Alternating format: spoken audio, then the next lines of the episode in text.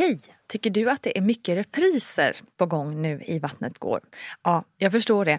Det beror helt enkelt på att jag, Nina Campioni, just nu har en pop-up second hand i Modgallerian i Stockholm. Så min tid räcker helt enkelt inte tid att göra så många avsnitt som jag hade önskat. Men tills jag är tillbaka på full tid, kom gärna och hälsa på mig i Modgallerian. Vi ses! God dagens kära lyssnare och varmt välkommen är just du till den här lilla podden som jag ju kallar för Vattnet går. För er trogna lyssnare så behöver jag inte direkt förklara podden närmare men jag vet ju att det också tillkommer nya härliga människor för varje avsnitt. Så därför säger jag också att för ordningens skull att den här podden handlar kort och gott om graviditet och förlossningar och ja, allt som kretsar kring det helt enkelt. Jo förresten, jag heter ju också Nina Campioni. Det kan ju kanske också vara värt att nämna. Men det är inte riktigt jag som är huvudpersonen i den här podden utan det är ju de gäster som är så underbara och som tar sig hit till poddstudion för att prata med mig och för att dela med sig. Oftast i förhoppningen att kunna hjälpa andra, inspirera och vara en kompis till alla er där ute. Så, i det här avsnittet fick jag besök av en flitigt efterfrågad person av er lyssnare faktiskt. Hon är inredaren att inspireras av och hon har hemmet som alla vill ha. Och dessutom blev hon alldeles nyligen utnämnd till Årets Mamma-inspiratör på tidningen Mamas årliga gala. Jag pratar såklart om Johanna Bradford. Med oss i programmet har vi som vanligt barnmorska extraordinär Gudrun Abascal. Men nu kör vi!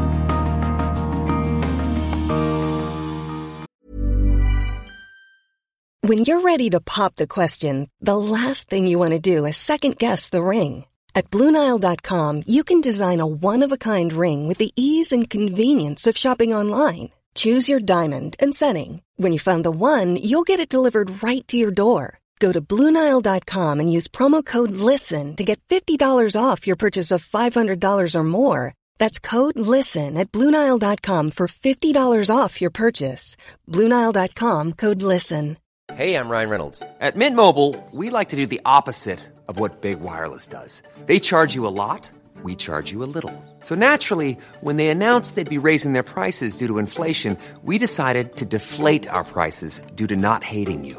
That's right. We're cutting the price of Mint Unlimited from $30 a month to just $15 a month. Give it a try at mintmobile.com slash switch. $45 upfront for three months plus taxes and fees. Promo rate for new customers for limited time. Unlimited more than 40 gigabytes per month. Slows. Full terms at mintmobile.com. Planning for your next trip? Elevate your travel style with Quince. Quince has all the jet setting essentials you'll want for your next getaway, like European linen, premium luggage options, buttery soft Italian leather bags, and so much more. And it's all priced at 50 to 80% less than similar brands. Plus, Quince only works with factories that use safe and ethical manufacturing practices. Pack your bags with high-quality essentials you'll be wearing for vacations to come with Quince. Go to quince.com slash trip for free shipping and 365-day returns. Hi, I'm Daniel, founder of Pretty Litter. Did you know cats tend to hide symptoms of sickness and pain? I learned this the hard way after losing my cat, Gingy. So I created Pretty Litter, a health monitoring litter that helps detect early signs of illness by changing colors, saving you money and potentially your cat's life. Pretty Litter is veterinarian developed, and it's the easiest way to keep tabs on your fur baby's health right at home. Go to prettylitter.com and use code ACAST for 20% off your first order and a free cat toy. Terms and conditions apply. See site for details. Johanna, när du eh, ganska snart efter att du hade fått reda på att du var gravid så fick du också ett annat besked. Ja. Berätta. Jag blev ju gravid ganska tätt eh, in på min första graviditet. Eh, Gillis var bara åtta månader när jag blev gravid. Och under tiden jag ammade honom så kände jag en knöl i mitt eh, vänstra bröst. Mm. Eh, och så var jag på vårdcentralen och de tyckte att det är amningsrelaterat, mm. du behöver inte vara orolig. Och jag är inte så orolig som person så att jag var så här, ja men det är klart det är amningsrelaterat. Jag, jag ammar på. Och så sa de till mig att är han kvar liksom några månader efter du har slutat amma så kan du komma tillbaka. Mm. Eh, och så ammade jag på och så blev jag gravid och så kände jag ganska så här, ja, men jag kände att det kändes olustigt att ha eh, en knöl i bröstet. Så jag var så här, jag vill ha det utrett innan jag ska amma nästa barn. Liksom. Mm. Jag vill inte bara att det ska fortlöpa.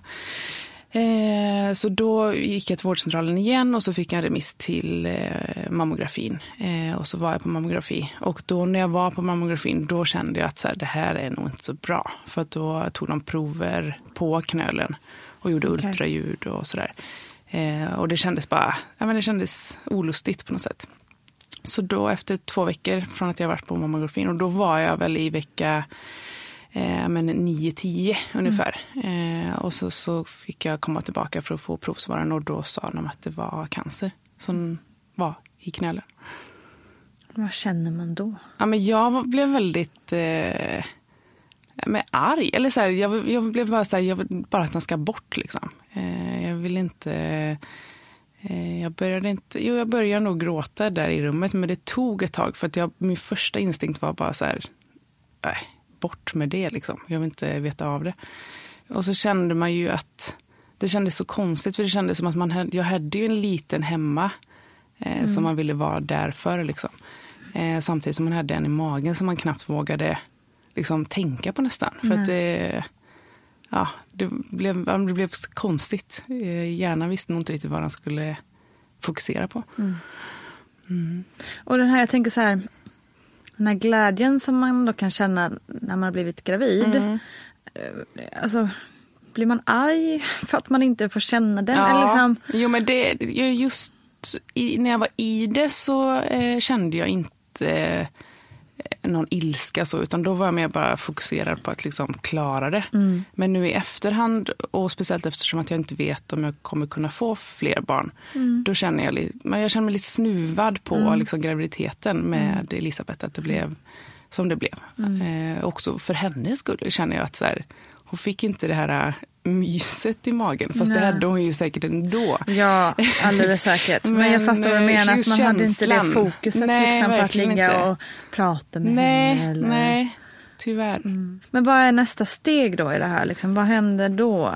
Ja, men då mm. eh, var jag ju eh, vecka 12 då när jag fick reda på att det var cancer i bröstet. Eh, och eftersom att de inte visste någonting då mer än att det var en cancer tumör i bröstet så är det första steget en operation. Mm. Och den fick jag jättesnabbt. Okay. Bara efter en vecka så fick jag opereras. Vilket var jätteskönt för att det var fruktan. Den veckan var liksom så jobbig. Mm. För det är ju också efter operationen man vet om om det har spridit sig mm. eller eh, ja, vilken omfattning liksom själva cancern är i. Men den veckan då när du går och väntar på det, mm. tänk, alltså, tänker man då liksom, eller vad ska man annars tänka än att man typ kan dö? Ja, eller vad tänker ja, man? Jag, alltså, jag hade ju, jag liksom sprang iväg i tankarna att så här, men gud, tänk om jag dör och Gillis. Och, ja, men man börjar ju tänka mm. på sina barn och man och familj. Och, men ganska snabbt bestämde jag mig för att här, nej, men jag, kan inte, jag kan inte gå hundra steg i förväg utan jag måste ju liksom ta ett steg i taget. Så jag blev så expert på att så bara tänka typ en dag i taget. Mm. Inte ens, alltså ibland bara någon timme i taget. Att jag, så här, det blev min så överlevnadsstrategi. Att man, eh, ja, men så här, ja men då ska jag opereras och så får vi ta det därifrån. Och mm. efter operationen så vet jag mer. Eh, så det, det var väldigt mycket så under hela, ja, ja hela året som har gått. Mm. Men, eh, ja, men jag, jag, är ingen person som är särskilt orolig av mig och sen så är jag ingen person som gillar att så här, älta saker. Utan jag, jag, är, jag är glad, jag är en så här, levnadsglad person. Eh, och det har gett mig jättemycket. Mm. Att jag har den grundinställningen till livet att så här, man får ta det för vad det är i mm. stunden. Inte hålla på och grotta ner sig i massa sorger. Det kan nog rädda många liv tror jag. Ja. En sån inställning. Verkligen. Okej, det, ju, det här är ju ingen eh, sjukdomspodd på det viset. Nej. Men vi måste ju ändå såklart. Alltså, ja. Det går ju inte att låta bli än att Nej. man vill höra allt, alla stegen här. Liksom, vad som hände. Vad, men, men då, sen fick du opereras. Mm. Och då tog de bort hela bröstet. Mm. Eh, det finns ju olika sätt. Förr var det mycket vanligare att man tog liksom tårtbit av bröstet. Så där. Men min tumör satt precis under bröstvårtan och var väldigt stor. Eh, så då tog de hela bröstet. Mm. Eh, och då under operationen så kollar man även eh, så snabb, eh, man skickar iväg snabbsvar gjorde de på mig. Eh, annars så gör man två operationer oftast. Men eftersom att jag var gravid så ville de eh, minimera antalet narkoser, liksom, mm. stövning. Eh, så då fick jag göra liksom, en operation och gjorde, så gjorde de det samtidigt. Och sen så kollar de även i armhålan så har man en körtel som kallas för portvatten. Och det är därifrån cancer sprider sig vidare. Mm. Så då kollar de eh, i armhålan efter körtlar och, ja, för att se om det sprider sig. Och jag hade ingen spridning alls. Eh, och det kunde de ju se direkt då under operationen. Så då när jag vaknade upp eh, så kom läkaren och berättade att liksom allting har gått så bra som det kan gå. Vi har inte hittat någon spridning och nu är det iväg för analys för att se. Mm. Så det kändes också alltså, så skönt. För man låg ju där och det kunde lika gärna varit att de sa ah, men vi har hittat spridning och Mm. vi vet inte vart. Men det är spritt. Mm. Men det var ju en enorm lättnad. Hur var känslan också att bli av med ett bröst så bara från en Ja, det, stund till en annan? Då liksom? kändes det som världens minsta. Alltså jag var bara så här, Såklart. bort med ja, det. Liksom. ja, visst. Eh, men det har ju varit och är alltså, jobbigt. Och, man känner ju, speciellt när man är i den situationen som jag var i, att jag var gravid och var så här, mina bröst ska ge mitt barn mat. Mm. Eh, så det kändes som att det var ja, men verkligen så här stympning. Men eh, också samtidigt ingenting. Alltså för att man bara eh, verkligen inte vill ha cancer. Så det är så här tudelat. Såklart, på det stora hela var det ju en, Ja. en så här oviktig del Ja, kanske. ja. Men var just precis det jag tänkte liksom just när man har, för även om du är uppe i, i liksom en liv och död situation Mm. så har du liv i magen och man bara liksom alla de hormonerna som, på, som liksom påverkas av det och, Ja. och hur man känner kring just brösten då, vilken är en vital Ja. grej att hela föda ett barn. Liksom. Ja, verkligen. Och det är så här, jag tycker man, känner- speciellt i början av graviditeten, då är det ju så mycket av graviditeten som faktiskt sitter i brösten. Alltså man känner ju så mycket att de så här, blir större och spända och sådär. Så att det, det var ju liksom ja, dubbelt jobbigt att vara gravid. Mm. Eh, och sen så också konstigt att ha kvar det andra bröstet. Ja. Eh, för eh, ja, det kändes bara skevt liksom.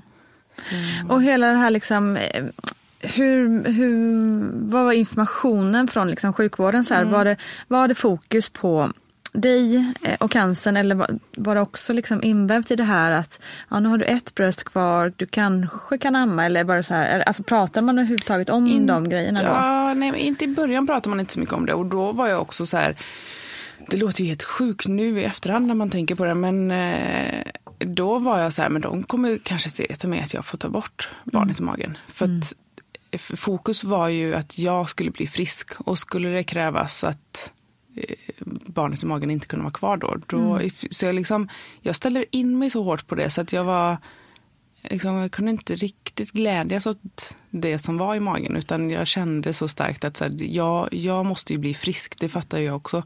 Eh, för att jag också har ett barn hemma som behöver mig. Liksom. Eh, så det var ju en konstig, eh, ja, jättekonstig situation och konstiga känslor att behöva eh, deala med.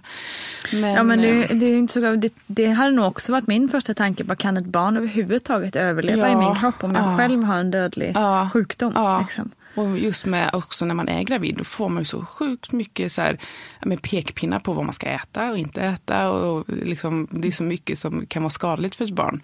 Eh, så då när det blev klart att jag eh, ja, skulle gå på cellgifter så var jag så här, men Ja men precis. hallå, Exakt. jag är faktiskt gravid, Ja. tänker ni. Men eh, det går. För det blev nästa steg sen då Ja, eller? för eller då när, de, när provsvaren kom tillbaka från operationen och det visade sig att eh, det är liksom mer definitivt då att det inte var spritt eh, så var de ju ändå, ja, men jag var så pass ung och drabbats av bröstcancer så att de... eh, För du var då? jag var 29 då. Ja. Så då, och, vad- och jag trodde då hade vi ingenting i min familj. Så att vi var lite så här, var kommer det här ifrån? Eh, och då, eh, eftersom att jag var så pass ung så ville de att jag skulle gå på cellgifter ehm, eh, under ja, en behandlingsperiod. Så att det blev totalt 18 veckor med cellgifter. Hade jag varit äldre hade de inte eh, satt in mig på cellgifter Mhm. så som det ser ut. Alltså forskningen går ju framåt Mm, och hela tiden sådär. Men eh, det är just för att jag var så ung som när jag drabbades att de ville ha, att jag skulle äta cellgifter. Eller ja, äta gör man ju inte, men ta cellgifter. Eh, för att minimera risken för återfall. Och vad, hur pratade man då kring? Nej men då, då blev det mer fokus på liksom, eh, graviditeten också. Eh, just under operationstiden så var det inte så mycket fokus på graviditet förutom att jag inte kunde ta samma typ av narkos eh, som man annars gör. Eh, för att han inte är beprövad på när man är gravid. Så jag fick så gammeldags narkos som man mår jätteilla av och sådär. Mm. Eh, så det var liksom det enda som var lite special eh, under tiden, eh, operationstiden. Men sen så när det stod klart då att det inte var spridd men att eh, de hade ju liksom bestämt att eh, eh cellgifter ändå är, ja, de rekommenderade det. Då eh, fick jag ju prata med min läkare som hade liksom verkligen grottat sig in i graviditet och cellgifter. Och då eh, har de gjort jättemycket forskning på det och det är inga risker alls för eh, fostret. Det, en, Wow. det finns en risk för att eh, eh, det inte växer som det ska men det är för att om jag mår så dåligt och inte kan det. äta och sådär. Eh, så då, finns det risk för att barnet eh, inte ja, växer som det ska. Men jag fick gå på, jag blev då, för jag hade ju hunnit skriva in mig på min vanliga MVC. Eh, men då blev jag flyttad till specialistmödravården på Östra i Göteborg. Och sen så fick jag göra tillväxt ultraljud en gång var fjärde vecka. Okej. Och det bestämdes liksom från start.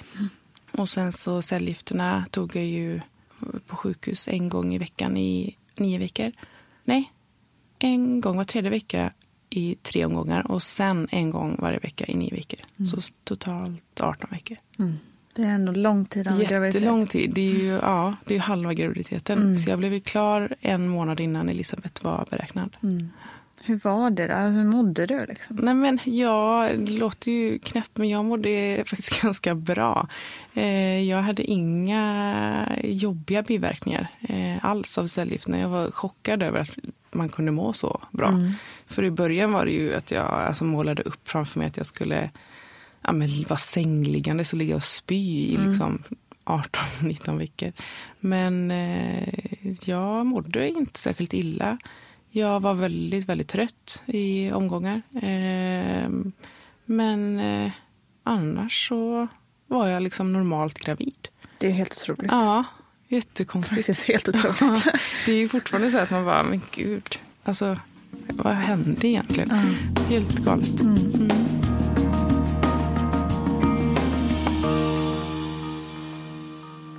Men hur var det liksom in, inombords, om man säger, förutom så här fysiska eh, tunga saker? Hur gick tankarna? Nej, liksom... men jag... eh, Alltså jag är nog väldigt så här, grundtrygg i mig själv. Eh, och jag är verkligen inte en hysterisk människa, om man eh, säger så. Utan jag var väldigt fokuserad på att bara så här, ta mig igenom det och göra, göra det som behövdes göras. Och sen så hade man ju så här, hade ju verkligen, hade de sagt då sista tillfället jag tog cellgifter att de så här, ja men vi förlänger med fem veckor, då hade jag nog brutit ihop. För jag var så, här, så fokuserad på att så här, det ska vara över då. Så var jag så himla noga med att liksom ha en månad utan någonting eh, med sjukhusbesök och sådär att göra. Utan jag ville bara vara så här mysigt gravid en månad. eh, så det var väldigt skönt att jag fick vara det. Du fick vara det? Ja, ja, det fick jag. Och jag slutade även att gå till, för jag gick ju på specialistmödravård, men eftersom att det aldrig var någonting med Elisabeth, utan hon var ju bara, alltså allting var toppen med henne hela tiden. Så kände jag mig så himla liksom, specialbehandlad. Jag gillade inte att behöva gå till mödravården på ett sjukhus och det var så här, ja, men det är deppig miljö. Eh, så då valde jag faktiskt att gå tillbaka till min gamla MVC. Eh, och det var jätteskönt. Den ligger så här inne i stan och jag tyckte det var så här mysigt att så här passa på att göra annat samtidigt istället för att leta parkering på sjukhus. Och... Man fick känna sig lite mer normal. Ja, liksom. för mig var det viktigt att så här, försöka ta avstånd lite från sjukhusmiljö. Eh, för att det, det var så förknippat med liksom cellgifter och provtagning och eh, sådär. Så det var, det var jätteskönt att få, så här, få den möjligheten att kunna gå tillbaka. Ja, det är helt otroligt att, att hon liksom inte blir påverkad av det där alls. ja, helt det är sjukt. så coolt. Ja, jag vet att jag tänkte, eh, ja men då när det liksom var, eh, stod klart att det var cancer och att jag var gravid och sådär, då tänkte jag så här, alltså om den här ungen klarar sig så kommer den bli så stark. Eh, men också att den kommer hjälpa mig. Verkligen, det känns som att ni gjorde det också. Mm.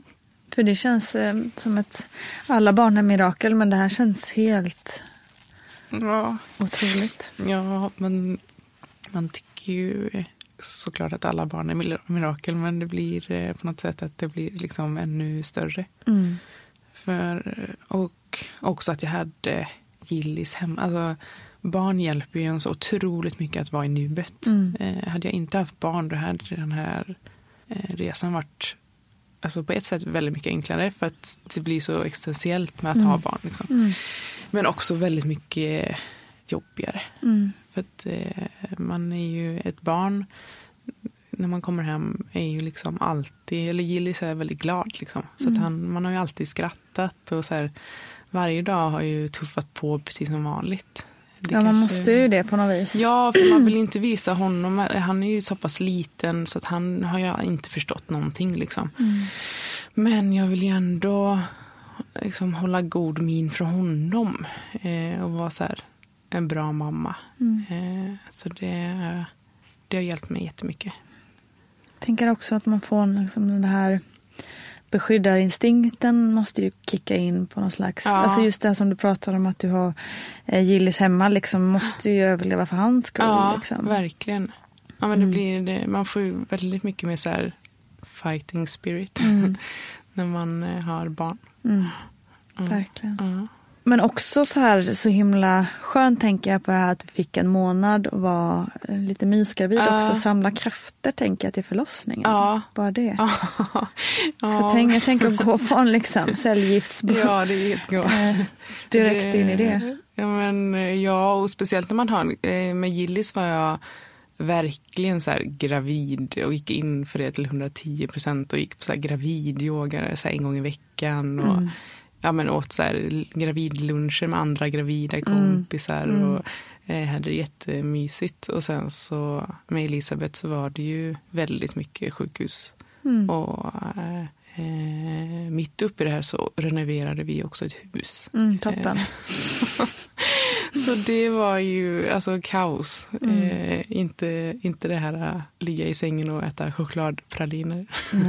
Nej. Men det, jag tror att många man pratar med säger ju att men så är det liksom när man har eh, barn sedan innan. Det blir ju inte samma typ av graviditet. Nej, det blir det ju inte. Men man behöver Men- ju inte toppa det med cellgiftsbehandling. Men kände du dig ensam också i det? Att du inte hade liksom det här med men så här, gravidluncher eller liksom? Ja, men det kände, ja, det kände jag. Men också att det blev så himla liksom man, ingen i min omgivning kunde ju bara så fokusera på graviditeten. Utan det var ju, det var ju jag liksom som var så här, hur mår du och så här, hur går det och så. Eh, så att det blev ju mycket mindre fokus på eh, ja, men bebisprat och sådär. Eh, så det, och, jag kunde också känna mig ensam med att så här, Även fast man har människor omkring sig som bryr sig jättemycket om en och finns där så är det ingen som kan förstå vad man Nej. går igenom. Och det kunde jag känna mig ensam i. Eh, också för att jag eh, liksom i, på sjukhuset så är det de så här, informationen man får, broschyrerna man får är väldigt så här, fokuserade på att man är 50 plus och drabbas av bröstcancer. Eh, så jag kände mig aldrig, jag kände mig inte hemma någonstans. Liksom. Jag kände mig inte hemma på att gå, de erbjöd ju så olika aktiviteter på sjukhuset. Men det kändes bara så himla, jag vet inte. Alltså att det var så gamla människor som skulle så här träffas. Eh, och sen så kände jag mig inte hemma i att gå i någon mammagrupp eller sådär. För jag ville inte så behöva dra min story eh, för människor som jag inte kände. Jag tycker att det är jobbigt när folk blir så här, åh gud vad synd det är om dig. Mm. För jag, ja, det var jättesynd om mig, men det var liksom inte det jag ville fokusera på. Nej. Så det var väldigt så här, ja, speciellt. Men när den här cellgiftsbehandlingen var över, Mm. fick du då, var, var det liksom över då? Alltså, Nej, nej, det är ju inte så tyvärr. Utan eh, dels under tiden som cellgiftsbehandlingen pågick så gjorde de en gen- genetisk utredning på mig. Eftersom att jag var så pass ung och drabbades så är de så här, ja men ofta så har man det genetiskt då. Eh, och eftersom att jag, min mamma, hon har aldrig drabbats av cancer och jag har mormor som fortfarande är vid liv eh, och aldrig haft cancer och jag har mostrar som aldrig haft. Så att eh, för mig var det ganska så här, ja, men jag har det säkert genetiskt men då kommer det från min pappa för att pappa är adopterad. Eh, han är engelsman och adopterades i England och vi vet ingenting om hans eh, familj. Och då kände jag bara så här, det är från pappas sida. Liksom. Vi vet ingenting om dem. Det är klart att alla tjejer kanske har cancer. Eh, men eh, då när de eh, gjorde utredningen och det stod klart att jag bar på en gen som är som, alltså det är en mutation på en gen eh, som kallas den västsvenska mutationen. Den är, alltså det är en liten del eh, som har den eh, och alla som eh, har den härstammar från Västsverige. Så det är också väldigt så här, centrerat kring Bohuslän. Okej. Eh, och eh, då förstod läkaren att det är inte alls från England utan det är eh, från, eh, med all säkerhet från din mamma. Så mamma var med mig under, eh, när jag var på sjukhuset och jag fick eh, ja, svaret att jag hade den här mutationen. Så då fick hon göra blodprov med en gång. Och eftersom att hon är ja, men över 50 eh, och den, just den här eh, genmutationen eh, har man ökad risk för bröstcancer och äggstockscancer. Så det liksom sitter ihop, eh, de två cancerformerna. Eh, så då eh, ja, tyckte de att det var liksom bråttom att mamma fick Verkligen. testa sig. Så då visade det sig att mamma också bär på den här genen. Eh, och då har mina mostrar fått testa sig och de bär också på den. Just. och eh, även mormor fick testa sig, men hon bär inte på den. Så den kommer från min morfars sida. Så nu är det liksom, det känns som att min släkt är på Sahlgrenska. Ja, exakt. Varje dag just nu. Så att alla håller på att liksom testa dem. Då. För det, det går ju så, alltså, den är, den är liksom så pass stark att den har hängt med sen. De har spårat den tillbaka till 500-talet. Nej, gud. Och tydligen så uppkom den då i en man som har fört vidare. Fan, det är alltid Mm, männen jag alltså. Förlåt. Vad Man sjukt. undrar vad han hade gjort för Ja, fel. Liksom. exakt. Ja, men eh, så nu är det liksom, håller de på och kartlägger alla som bär Mm. på genen och alla får möjlighet till att göra förebyggande åtgärder. Att eh, ta bort äggstockar, ta bort bröst. Mm. Eh, och det är ju såklart upp till var och en vad de gör. Men hur har det påverkat din familj? Alltså, alla, men, din eh, mamma och alla. Vad, vad tänker de?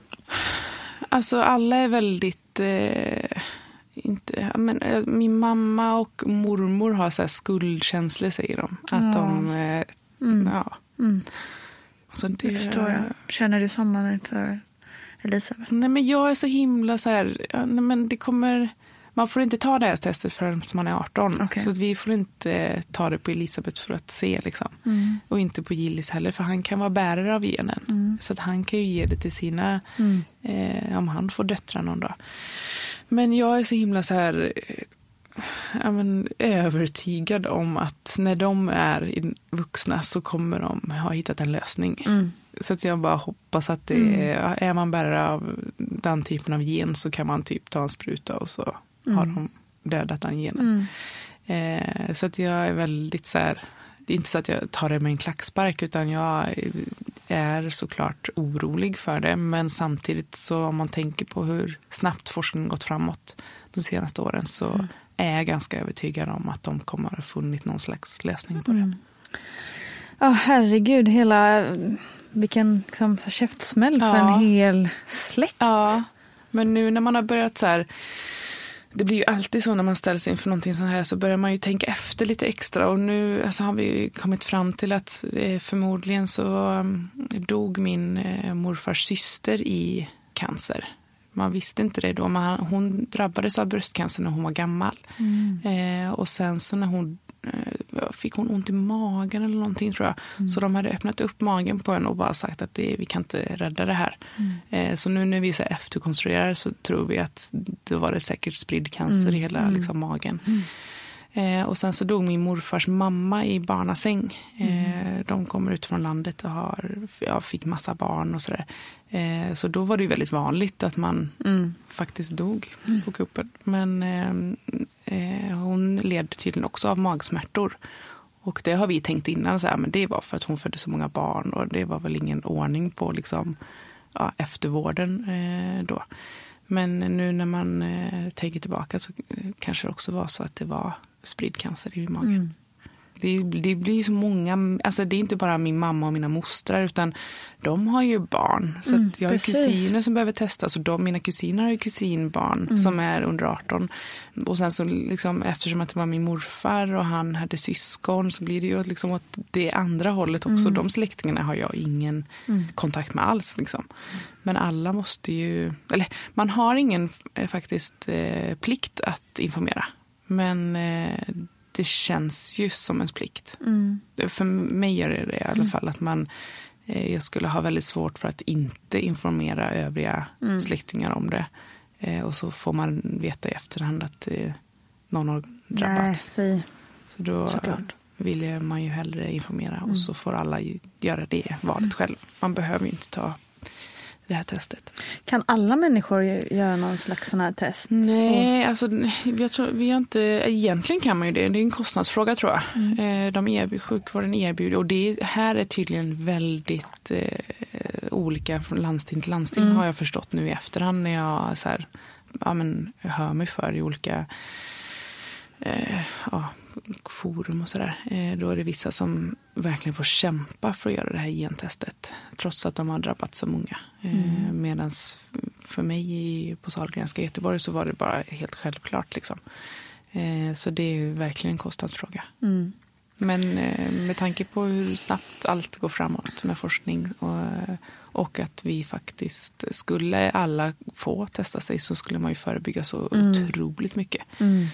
Så att eh, vi är nog på väg dit, mm. tror jag. Verkligen. Mm. Man tänker bara, bara för några år sedan så var ju en bröstcancerdiagnos lika med en dödsdom. Ja, liksom. ja verkligen. Man, det var ju så man ja. tänkte. Och så det var. Mm. Och nu eh, så känns det som att... Ja men det känns, eh, man har ändå hopp. Mm. Och det tycker jag är väldigt skönt och mm. fint. This is Paige, the co-host of Giggly Squad, and I want to tell you about a company that I've been loving, Olive and June. Olive and June gives you everything that you need for a salon quality manicure in one box. And if you break it down, it really comes out to $2 a manicure, which is absolutely insane. It's also so easy to get salon worthy nails at home with Olive and June. The difference between how your nails used to look when you did them yourself and now with the Manny system is a complete game changer. The best thing about Olive and June too is it's a quick dry, dries in about one minute, lasts for five days, and full coverage in up to one to two coats. Visit oliveandjune.com slash perfect Manny 20 for 20% off your first system. That's oliveandjune.com slash perfect Manny 20 for 20% off your first system system. You should celebrate yourself every day, but some days you should celebrate with jewelry. Whether you want to commemorate an unforgettable moment or just bring some added sparkle to your collection, Blue Nile can offer you expert guidance and a wide assortment of jewelry of the highest quality at the best price. Go to BlueNile.com today and experience the ease and convenience of shopping Blue Nile, the original online jeweler since 1999. That's Bluenile.com. Bluenile.com. Hey, I'm Ryan Reynolds. At Mint Mobile, we like to do the opposite of what Big Wireless does. They charge you a lot, we charge you a little. So naturally, when they announced they'd be raising their prices due to inflation, we decided to deflate our prices due to not hating you. That's right. We're cutting the price of Mint Unlimited from $30 a month to just $15 a month. Give it a try at mintmobile.com slash switch. $45 upfront for three months plus taxes and fees. Promote for new customers for limited time. Unlimited more than 40 gigabytes per month. Slows. Full terms at mintmobile.com. Ever catch yourself eating the same flavorless dinner three days in a row? Dreaming of something better? Well, HelloFresh is your guilt-free dream come true, baby. It's me, Gigi Palmer. Let's wake up those taste buds with hot, juicy pecan-crusted chicken or garlic butter shrimp scampi. Mm. Hello Fresh. Stop dreaming of all the delicious possibilities and dig in at hellofresh.com. Let's get this dinner party started. Hi, I'm Daniel, founder of Pretty Litter. Did you know cats tend to hide symptoms of sickness and pain? I learned this the hard way after losing my cat, Gingy. So I created Pretty Litter, a health monitoring litter that helps detect early signs of illness by changing colors, saving you money and potentially your cat's life. Pretty Litter is veterinarian developed, and it's the easiest way to keep tabs on your fur baby's health right at home. Go to prettylitter.com and use code ACAST for 20% off your first order and a free cat toy. Terms and conditions apply. See site for details. Gud, nu har jag helt glömt bort vad du svarade på min första fråga innan jag kom in på det här. För det var ju det här med liksom, cell, cellgift, ja, men så kom ni in på det här med genen. Och vad hände då Just liksom det. i... Eh, och då, ehm, eh, det, den behandlingen som jag går på nu, den är oberoende på om jag hade gen eller inte. Eh, men eh, eftersom att de är rädda, den cancern som jag hade är, eh, eller var väldigt hormonbaserad. Så det var därför den växte så pass mycket under graviditet och amning. För att den så åt mitt östrogen i kroppen. Eh, den liksom bestod till 80 procent av hormon. Så att eh, eh, den älskade ju att jag var gravid och ammade. Eh, så um, då är de eh, ja, men såklart rädd för att det ska ja, men bli åtfall. Och jag är ju bara 30 så att jag har ju många år kvar av liksom eh, menstruation och barnafödande och sådär. Men då gör de så att de sätter mig i klimakteriet. Jaha, Så Okej. jag äter en tablett om dagen som gör att mina eh, östrogennivåer i kroppen liksom typ eh, utesluts. Eh, och sen så tar jag också som tillägg en spruta varje månad med en injektion eh, i magen som stänger av mina äggstockar. Så jag har ju ja, jag har hamnat i klimakteriet. shit hur känns det? Ja, men det känns... Eh, alltså, när man lägger ihop allting så är nog faktiskt det det jobbigaste. För att en cellgiftsbehandling var ju så här, ja men det är 18 veckor och sen så är det över liksom. Eh, även fast man tappar håret och eh, sådär så det växer ju ut. Även fast det är sjukt jobbigt så liksom, ser man ett slut på det. Men det här ser inte jag riktigt ett slut på. För att det är ju ett konstant tillstånd. Och det är så mycket som kommer med det. Att man så här, jag har alltid varit eh, så här, slått mig för bröstet och sagt att jag ska ha tre till fem barn. Och jag alltså, tycker att det är jättehärligt med barn och sådär. Ehm, men nu, som det känns just nu så känner jag, jag det är väldigt mycket som är så oklart och jag har väl inte riktigt fått mm, så reda ut det med en läkare. Men om jag tänker på det just nu så känner jag att så här, en graviditet för mig eh, skulle vara en för stor risk. Att, alltså, eftersom att jag äter tabletter och tar sprutor så kan man ju upphöra med dem. Det är ingenting som, det är ingen som tvingar mig att ta dem. Och, eh, de är ju, det finns ju de som gör ett avbrott i en sån behandling för att eh, bli gravida. Men eftersom att min cancer var så himla hormonbaserad och ja, men alla omständigheter runt omkring. Eh, också att jag upptäckte alltså, knölen när jag ammade Gillis och fick beskedet när jag var gravid med Elisabeth. Så, alltså, det är så förknippat med mig med så här, graviditet och amning. Så då känns det just nu som att det är liksom inte riktigt värt det. Jag vill ju vara där för mina två andra barn. Som räcker gott och väl. Liksom.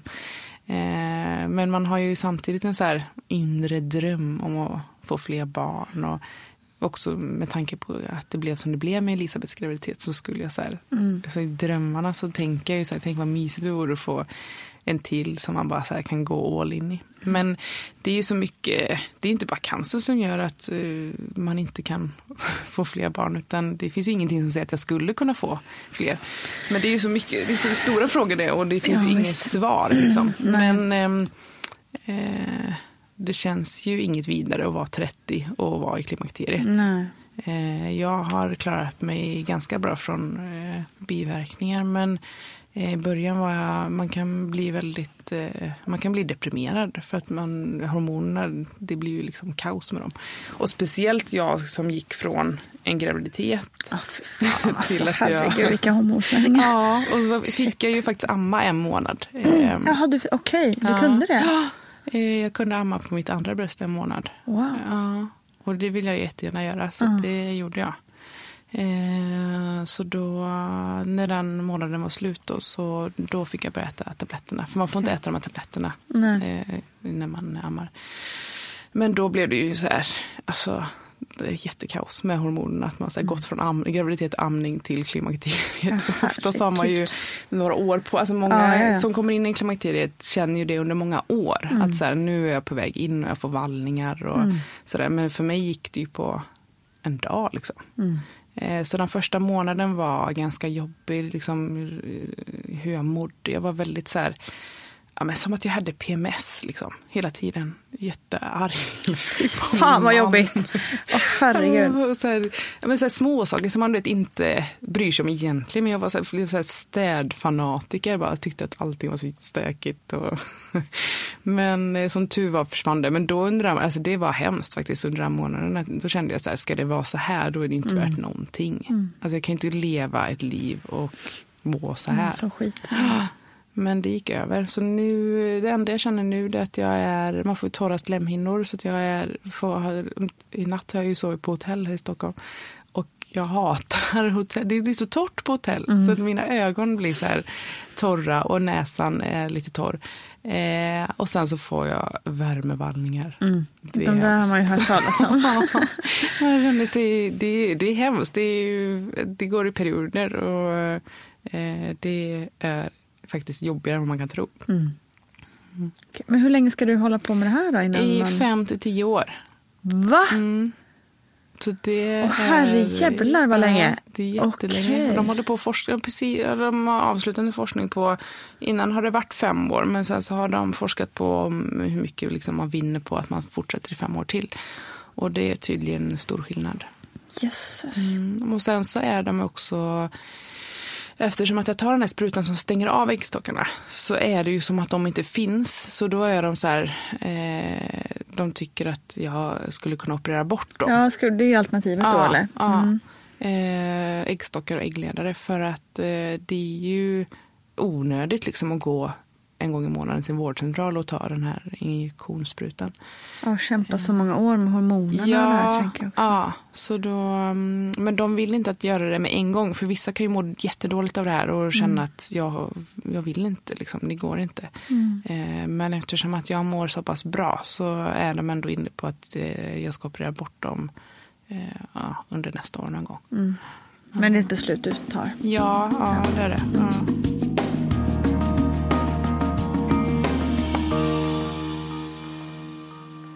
Vi måste ju också såklart backa till förlossningen. Vi har bara svept förbi stackars Elisabeth igen här känner jag.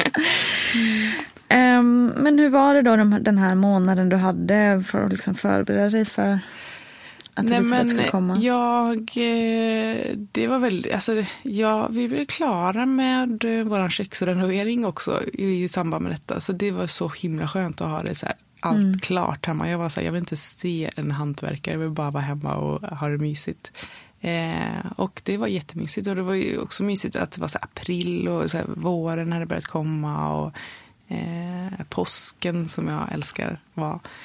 Eh, så att jag verkligen gick in för att ha det så här härligt. Eh, men sen så är man ju inte jättehärlig som höggravid. och jag eh, har gått upp så himla mycket vikt med båda graviditeterna. Eh, så att jag var ganska så här otymplig och tyckte, jag hade mycket foglossning med Elisabeth. Så att, eh, Hur mycket, bara för vi måste grotta in oss. Hur, Ja. hur mycket gick, gick du upp? Nej men jag, eh, med Gillis gick jag upp 30 kilo. Och med Elisabeth, jag hann inte gå ner alla de kilorna. Nej, det gick snabbt där, ja. ja. Så med Elisabeth gick jag upp 20 kilo. Men jag hamnade på samma liksom invägningsvikt på förlossningen. Eh, och det var ju mest eh, vätska. Förlåt, men det är också intressant att liksom, du går ändå igenom en hel cellgiftsbehandling och ändå är du så pass liksom frisk att Ja, du faktiskt går upp i vikt. Det är helt otroligt. Ja, Och jag hade ju ingen, eh, alltså jag åt ju på, alltså jag blir väldigt, när jag är gravid så blir jag väldigt hungrig. Plus, plus en. Eller okej, okay, kanske alltid. Men... Nej, men jag älskar ju alltid mat, mm. men det blir som att när jag är gravid så finns det ingen som så här Alltså, man, vill ju, man vill ju unna sig. Man har ju det i sig att så här, jag ska vara snäll mot min kropp. Och, så här, eh, och det är inte alltid att så här, äta så mycket. Men för mig är mat så här, jag mår bra när jag äter. Mm. Eh, så att jag eh, har unnat mig ohämmat under båda graviditeterna. Men såklart tänkt på liksom jag har inte ätit godis och Nej, stoppat i mig utan jag har ätit så bra mat. Men eh, grejen är att jag blir så sugen på så här, eh, så här husmanskostmat mm. när jag är gravid. Så så. Ja. och jag kan inte tänka mig att äta en sallad. Nej. Så det blir så himla mycket mat och mycket så här pasta. Mm. Och, ja. Pasta, äh, mm, verkligen mitt så livselixir när jag är gravid. Pasta och bröd. Ja. Oh, så gott. jag, mm. Eh, ja tyvärr, det, det är jobbigt att gå upp så mycket vikt för att det är ju liksom, det är inte bra för någonting egentligen. Men vad ska man göra? Nej, precis, vad ska man göra? Ja, så att jag var ju så här, ja, stor otymplig foglossning men hade ändå mysigt hemma.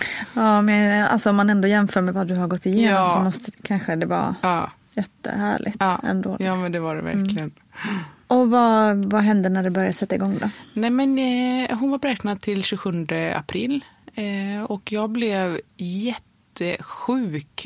Gillis går ju på förskolan så han drog hem någon så här basil som både han och jag fick världens förkylning typ en vecka innan eh, mm. BF. Jag var så här, man är ju svullen i liksom, näsa och sådär men jag blev jätte jättesvullen och jättesnörvlade och liksom hade feber till och med tror jag. Oh, så jag var så här, nej ska det vara så här? Alltså, jag kan inte föda barn och vara så här sjuk.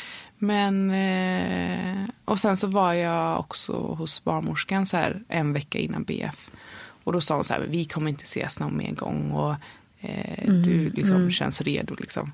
Och sen så konstaterade vi att hon, vi visste inte att det var en hon då, men att bebisen vägde över fyra kilo. Eh, så då, och så sa hon så här, men du, du föder stora barn. Och så då kände jag mig lite så här, men gud, vad har jag gett mig in på? För, eh, ja, jag, man kände sig att jag var liksom evigt gravid. Jag kände sig att jag kommer aldrig få se det här barnet. För att jag, alltså, jag kände mig som att jag aldrig, det skulle aldrig sätta igång. Jag kände mig så himla så här, det hände ingenting, jag var bara sjuk liksom. Och var jättetrött på att vara sjuk.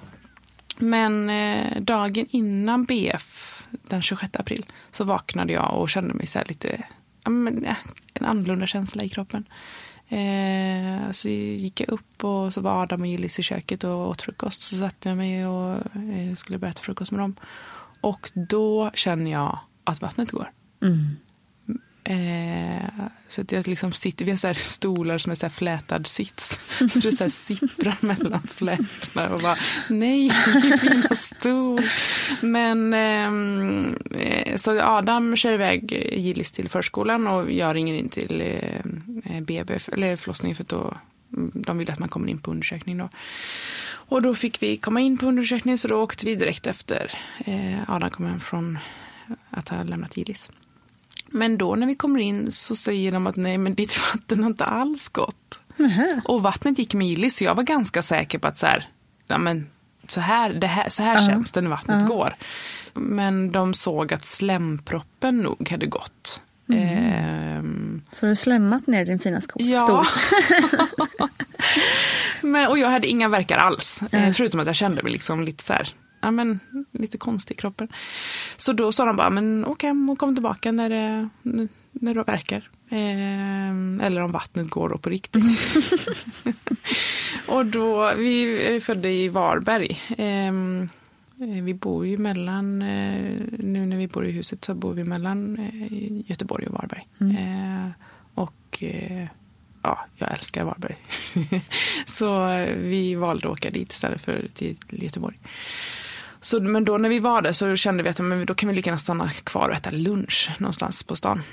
Så då när vi satt och åt lunch, då kände jag att nu börjar ändå verkarna komma igång. Mm. Det blev liksom lite så här jobbigt att sitta ner. Eh, men eftersom att jag var, hade Gillis förlossning i bakhuvudet med att alltså det tog så lång tid med honom. Eh, och att de sa att nej men vattnet annat Just skott. Så var jag så här, nej men jag, jag får härda ut det här. Mm. Jag tänker inte hålla på och åka in liksom. Så då åkte vi hem och så var det en så vanlig eftermiddag. Vi hämtade Gillis. Eh, jag hade en kompis över som fikade. Eh, men jag hade en så kraftig sammandragning en gång var 50 minuter ungefär. Och min kompis har berättat i efterhand att hon bara, gud jag kanske borde gå hem för att eh, ja, men det var liksom att jag var tvungen att stanna upp och liksom ställa mig och här, krama en stol lite grann. Så hon såg på mig att så här, gud hon är verkligen påverkad. Men jag var ju så himla så här, så himla mycket pannben att så här, nej jag ska inte eh, åka in. Eh, så jag, eh, vi var hemma och lagade mat sen på kvällen. Grillade faktiskt. Eh, och så eh, började Adam känna så här, nej, men nu stannar hon ändå upp och måste så hålla i sig eh, ganska ofta. Eh, så han sa att "Nej, men jag kommer ringa nu. Och jag var så här, nej, det får du inte göra. Vi hade ju lagt Gillis så jag var så här, jag tar en Alvedon och går och lägger mig istället. Det, det känns som en bra idé. Och han var så här, nej, det, jag tror inte att det är en bra idé. Eh, så han ringde in och då sa han att eh, pratade han eh, med en sköterska som, för jag var så här, jag tänker inte prata med någon, jag är inte redo. Men då berättade Aron då att jag hade en så här kraftig värk var 50 minuter och då sa sköterskan att är man omföderska så kan en värk på- var 50 minuter faktiskt vara liksom, att det verkligen är på gång. Så hon sa att kom in. Så då fick vi ju packa in Gillis, sovande Gillis i bilen eh, och eh, åka. Och då när vi sitter i bilen så har jag så mycket verkar så att innan har jag försökt klocka dem med så här verktimer. Eh, men då när vi satt i bilen så eh, det var för mycket så att jag bara, jag orkar inte ens se den här jävla verktimern. Jag kan inte så fylla i den, jag orkar inte fokusera på det. Eh, och min mamma bor i Varberg och hon jobbar faktiskt också på Varbergs BB. Eh, så hon stod utanför och så tog emot Gillis. Eh, Så åkte hem och bäddade ner honom hemma. Och så gick jag in och eh, jag var så här, "Ja, jag ska gå. Men insåg ganska snabbt att jag kommer inte kunna, för de har här jättelång korridor fram till att man kommer fram till förlossningen. Så då fick jag sätta mig i rullstol och Adam körde mig och jag var jättesur för att jag satt i rullstol. Eh, och så kom jag in och sen så fick jag komma in på det här undersökningsrummet. Eh, och för mig var det helt, alltså jag fattade inte hur de skulle få mig att ligga ner och ha den här CTG-kurvan på mig. För jag var så här, jag måste stå upp, jag kan inte, jag kan inte lägga mig ner. Eh, men på något sätt så la jag mig ner och så körde de den här kurvan och då såg de att det var liksom verkligen på gång. Och då när jag låg där så gick vattnet. Och då gick det verkligen på riktigt. För det var så här, ja, det, det forsade liksom. Ja. Eh, och eh, ja, då var, hade jag rejält ont. Och eh, då fick jag komma in på förlossningssal. Och då när vi var inne i salen så gjorde de en, vaginal undersökning. Och då såg de att jag var öppen två centimeter. Och då kände jag mig lite så här, fan, det är bara två centimeter. Det känns som att jag är typ kände redo. på, ja exakt.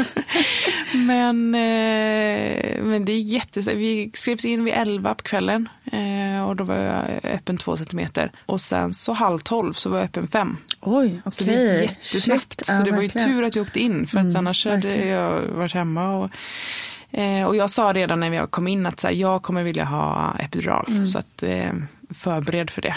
Eh, och då mm, eh, blev det lite väldigt så här bråttom för man får väl bara ta det fram så att man man kan inte ta det för sent. Eller? Nej, de vill ju inte att den ska komma för sent för det Nej. kan hämma liksom, krystverkarna Ja, och sådär. Ja, Mm. ja men det blev lite bråttom och eh, jag kommer ihåg att jag var så arg för att eh, hon, eh, läk- narkosläkaren som kom in och skulle sätta den hon ville att jag skulle sätta mig upp. Och de Jaha. hade förberett mig innan på att så här, lägg dig på sidan Ja. och kuta med ryggen. Liksom. Eh, men så kom hon in och bara, du får sätta dig upp. Jag bara, Jaha, vad konstigt. Jag tänker inte sätta mig upp. Det är så, alltså, när man är i verkar och tycker att så här, man ska bara fokusera på att klara av dem. Då att sätta sig upp, det är som att Nej. be någon att springa ett maraton. Ja men verkligen. jag var så här, Men vad konstigt att de ville att du Ja, skulle sitta. jättekonstigt. Men då fick jag sätta mig upp och kuta med ryggen. Mm, och det gick ju bra. Och det var jättebra. Eh, så jag... Eh, eh, den liksom tog jättebra och jag fick väldigt mycket hjälp av den. Och så tog jag lustgas också. Johanna fick sin epidural sittandes upp. Varför gör man så? Ja, nu vet ju inte jag, jag kan ju inte hennes story. Faktiskt så gjorde jag så att jag ringde till Janne Jakobsson, en av våra absolut skickligaste narkosläkare och frågade honom. Så han sa att det vanligaste är att man, att man har kvinnor liggande ner för att det tar lite tid och det är tekniskt och så vidare. På det viset för, för kvinnans eh, del lättare. Men eh, ibland så kan det vara att om man har kvinnan sittande upp så blir ryggraden eh, rakare på något sätt. Och därför så så kanske tekniskt, om det är svårt att ha, ha när kvinnan ligger ner och lägga epiduralen så kan man sätta henne upp och se om det fungerar bättre också. Men eh, 99,9 procent av alla kvinnor ligger på sidan ner. Och att utrymmena mellan kotorna kanske blir lite, lite större. Också så att det är tekniskt lite lättare att komma in. Så att det är en, det är en teknikgrej i det hela, mera menar han på.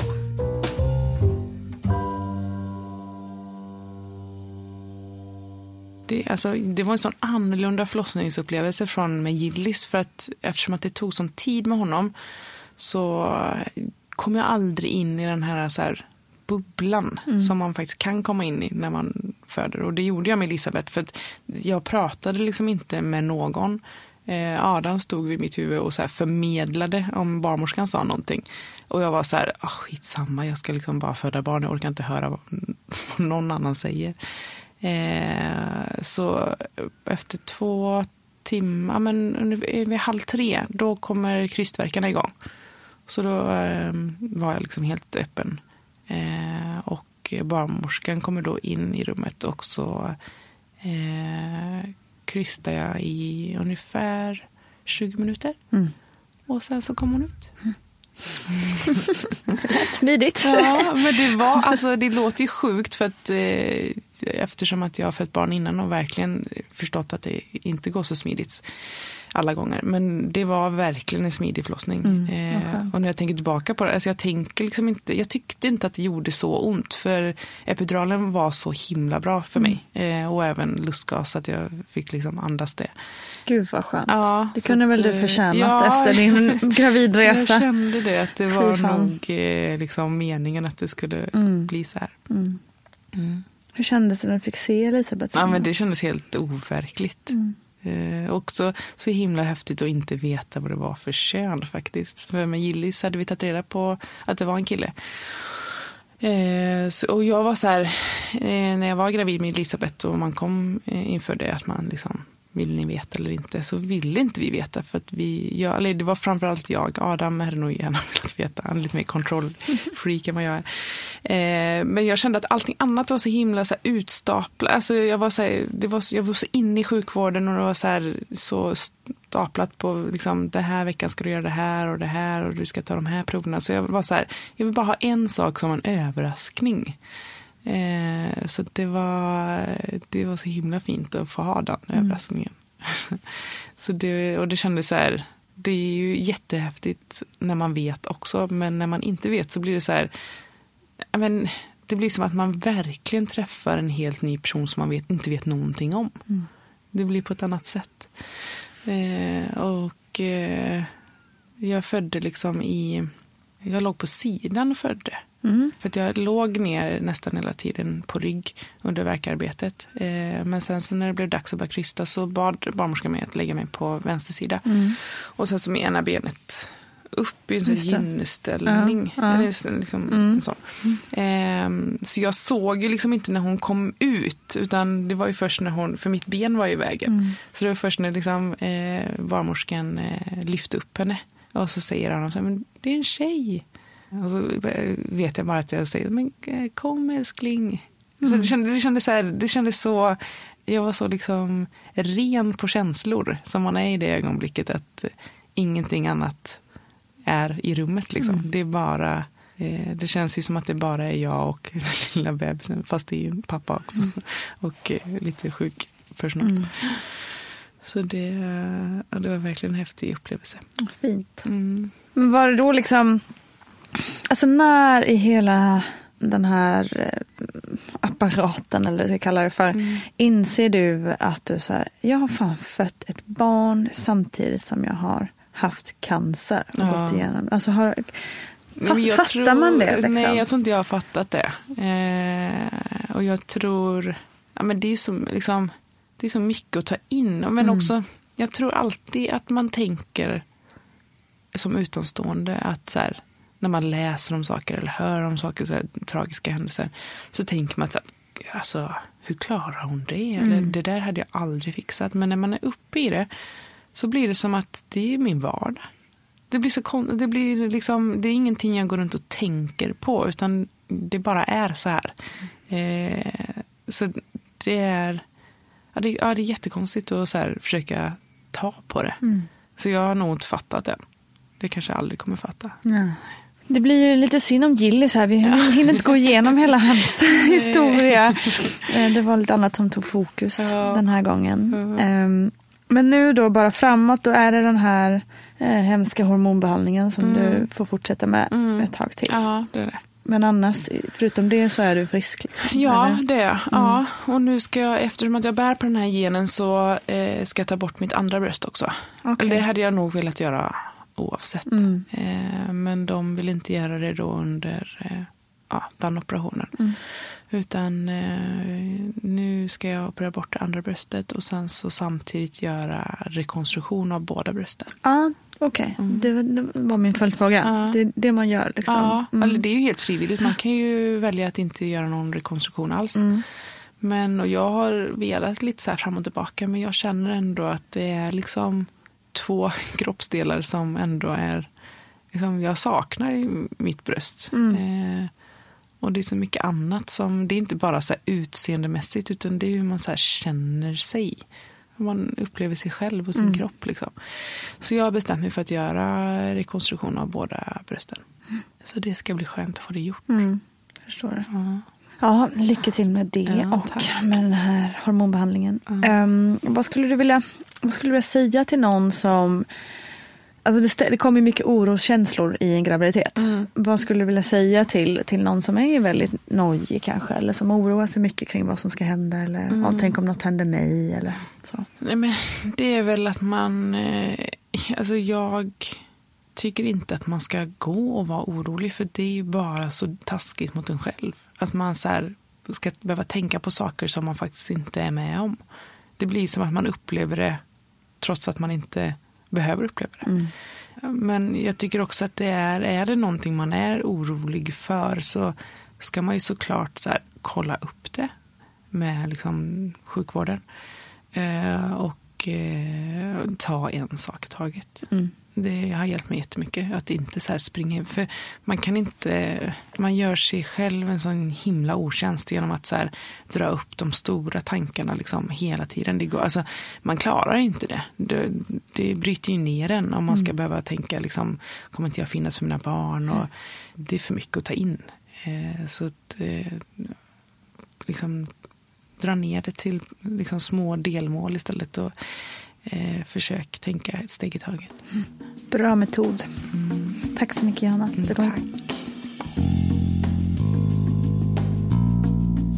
Tusen tack Johanna Bradford för att du vill vara med och dela din historia. Modigt och starkt. Och tusen tack säger jag också till dig som lyssnar. Tack för att du är med i podden och tack för att du skickar in förslag på gäster. Glöm inte att Vattnet går också finns som bok med hundratals frågor och svar från Gudrun Abascal inte minst. Och så finns ju podden också på Instagram såklart. Men vi hörs snart. Kram, ha det fint!